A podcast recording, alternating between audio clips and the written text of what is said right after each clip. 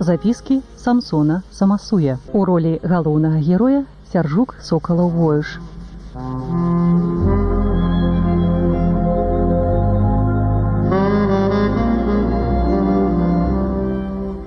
моладзь цэлы дзень праводзіла на сонцы каля рэчкі усе ще нажаці і некаторыя засевы там былі бязлітасна стаптаны аднойчы ўранні прыйшоў я да рэчкі зірнуў на сенажаці нажыта на грэчку і жаха хапіў мяне.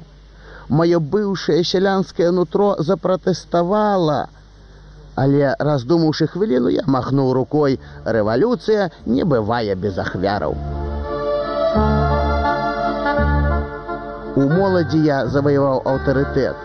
Над рэчкаю цэлы дзень вісеў галас найвялікшы гармідар у свеце дзеці адарваліся ад бацькоў ад хаты ад гаспадаркі часта бацькі з дзягамі фур'ёзна з'яўляліся на солярый і праганялі дзяцей дамоў а по майму адресу дазвалялі сабе незвычайна абразлівыя словы была для нас і досыць вялікая непрыемнасць сяляне арганізавалі мітынг пратэсту каля рэчкі. Старшынёй мітынгу быў ахрэм руды, які ўвесь цяжар пратэсту ўзваліў на мяне. Ад імя сялян ён патрабаваў, каб я, з'яўляючыся ініцыятарам гэтага сусветнага глупства, сплаціў ім за збітыя сенажаці склычанае жыта і зафэканую бульбу.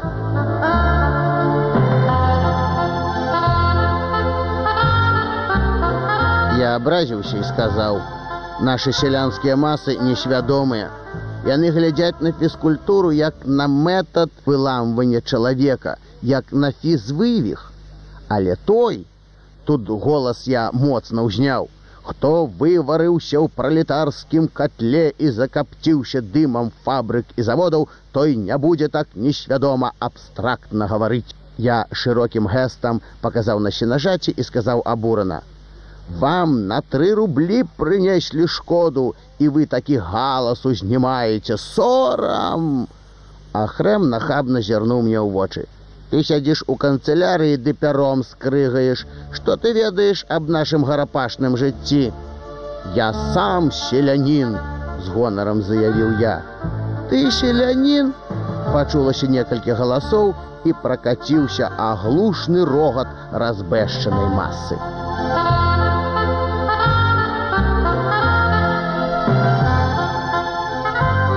А вы, чортавы дзеці, залемантаваў я, падбег да першага, якога ўбачыў селяніна з касой, выхапіў з яго рук касу і ў адну хвіліну плаўна замахаў касой.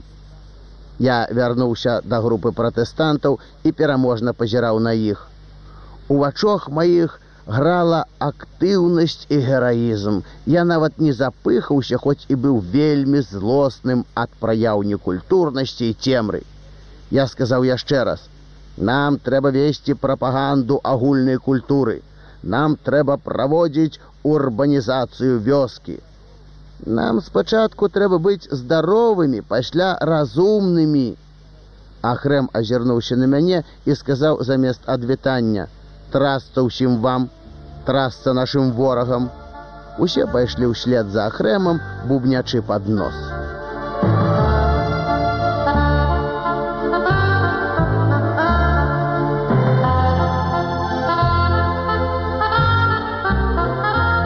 Сяляне падалі на шач у суд. І торба сказаў, што прысудзяць здорава. На два месяцы тваёй самасуеўскай пенсіі не судзіся з бедным.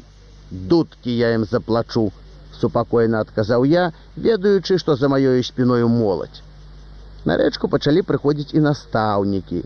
Сонца і беспрацоўе вельмі прыцягальныя.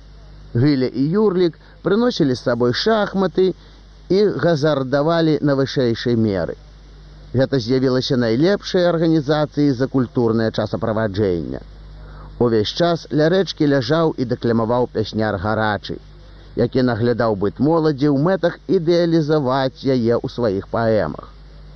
Ля рэчкі ім напісана славутая паэма дні мая крутыя. Шкода толькі, што ў мяне цяжкая памяць на вершы, А між тым у паэме ёсць месцы хвалюючыя да стогнаў фізіялагічных.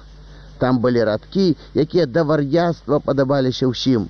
Нешта у сямнаццатым годзе парвалі мне радасці цуглі, дротам калючым пролезлі ў грудзі, сціснулі торбу сардэчную вяроўкаю помсты.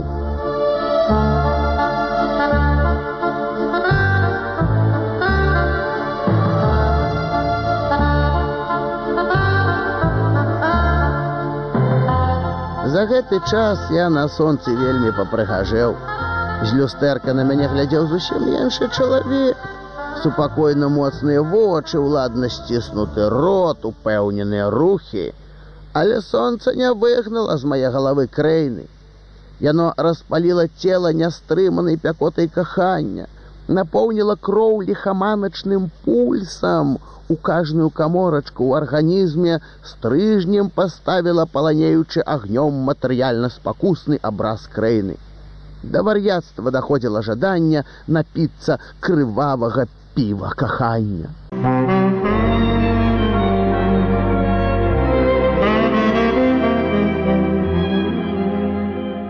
Аднаго вечару, калі дождж бубнеў у акно тэлефонкі, сядзеў я там з дзвюма дзяўчатамі, замяняючы свярдзелюка, якога некуды панесла вятровае ліха. Адна з дзяўчын настаўніца цыцоха, кабетка так сабе смазлівая божая цёлачка. Другая новая тэлефаністка мычка, якая знаёмілася з працай. Дзяўчына беленькая, уся ў кружалёвых кудзёрках з лёгкадумным бляскам у вачох. На яе ўскладаў я вялікія надзеі. Я завёў вучоную гутарку на вольныя тэмы біялогічна завяршона толькі тая жанчына, якая прыймала ўдзел у нараджэнні новага чалавека. Кажная жанчына павінна імкнуцца да гэтага. Настаўніца цыцоха сказала: « Не ведаю, што будзе далей, а цяпер у мяне да дзяцей непераносная агіда. Сам сабе такую дурату чалавек напусціць, народзіць дзяцей, а пасля ўсё жыццё пакутае, вазёкаецца з імі аддыхі не ведае.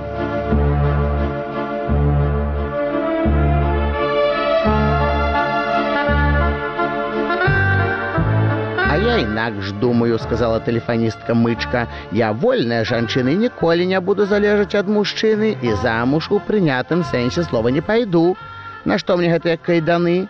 А дзіцёнка буду мець. Без гэтага нейкая пустэльня ў жыцці мяне гэта моцна трасанула. Гэткі жаночы гераізм і аўтаномія як нагадвае адну прыродную з'яву, аб якой паведаў мне настаўнік прыродавед. Некаторыя павучыхі саміцы жываглотам з'ядаюць самцу пасля таго, як апошнія добра выканалі задання. Я сказаў тэлефаністцы: Хоць замуж не пайду, а дзіцёнка буду мець дык што ж? У чым перашкода, калі ласка паразка? Я досыць нявытрымана зарагатаў. Дзяўчына нечакана абразілася, уся заружавела і як ластаўка перад дажджом замітусілася па пакоі, потым збегла. На другі дзень яна падала заяву ў мястком сувязі і ў профбюро таварышу мільёнку. Скардзілася, што я зняважыў яе ў афіцыйнай установе ў прысутнасці настаўніцы цыцохі мястком сувязі унёс прапазіцыю правбюро аб выключэнні мяне шэрагу прафсаюзу за абразу савецкай перадавой жанчыны, але таварыш мільёнах сказаў мне: У парадку ударнасці прасі прабачэння ў тэлефаністкі.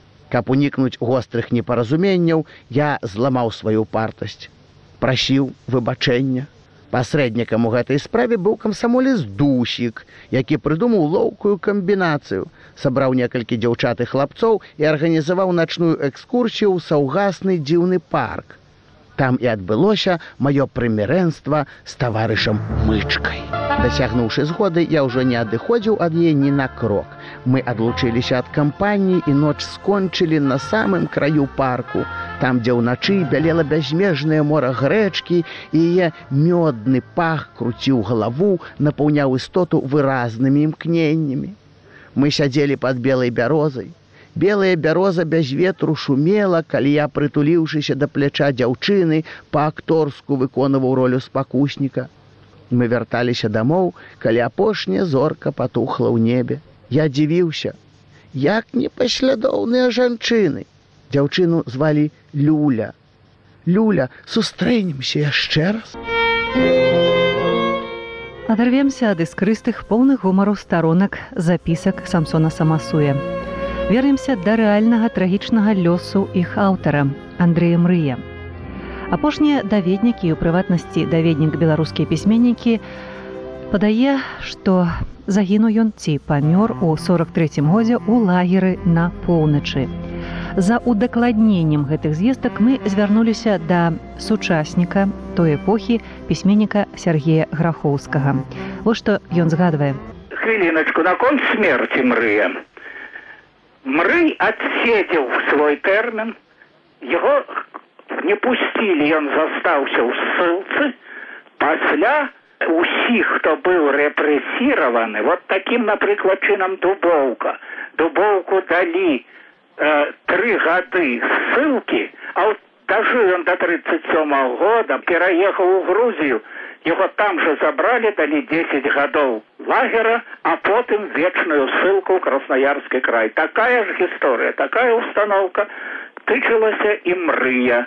Ён пасля вызвалення, трапляе зноў лагер.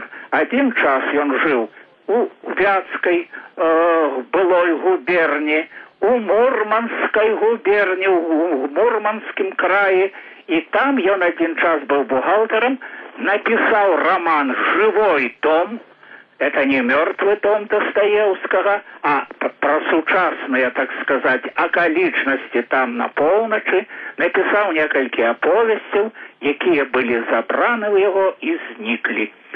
Так Мры дотягнул до 1943 года у лагеры. Становится доходягою.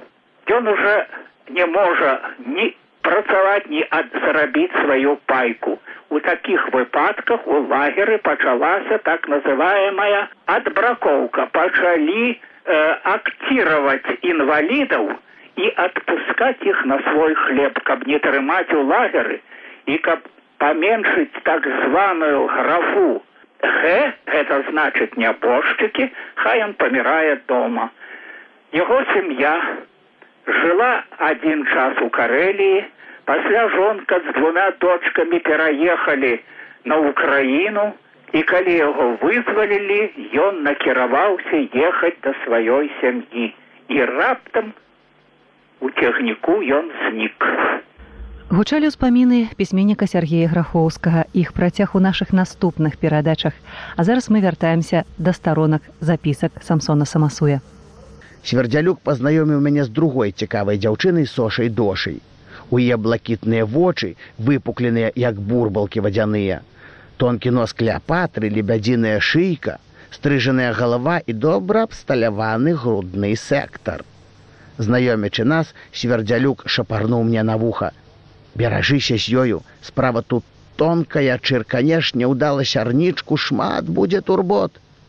Не разумею твае алегорыі. На яе мая пляны райком. Ці не жэніцца ён? Разумею цяпер. Няўхільнае абвастрэнне адносін з сакратаром на грунце кахання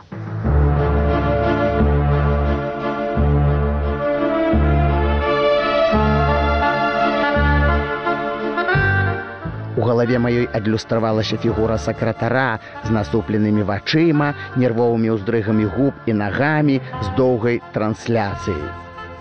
Параўнаў з імі сошу дошу і падумаў: прыхожая будзе яму бабулька не кіне.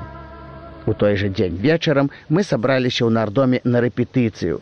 Я падхалімнічаў з сошай дошай, пераконваў яе, што нікому так не падыходзіць роля люркі як ёй. Угаварылі. На другі дзень мяне выклікалі ў райком. Была слуханая мая справаздача аб культ паходзе і пляне далейшай працы. Мімаходам сакратар параіў мне не ставіць п'есу, якую учора рэпетавалі, бо яна ідэалагічна не вытрыманая. Дзіўна толькі, скуль ведае гэта сакратар, калі самай п'есы не чытаў і ў вочы не бачыў. Я згадзіўся з ім.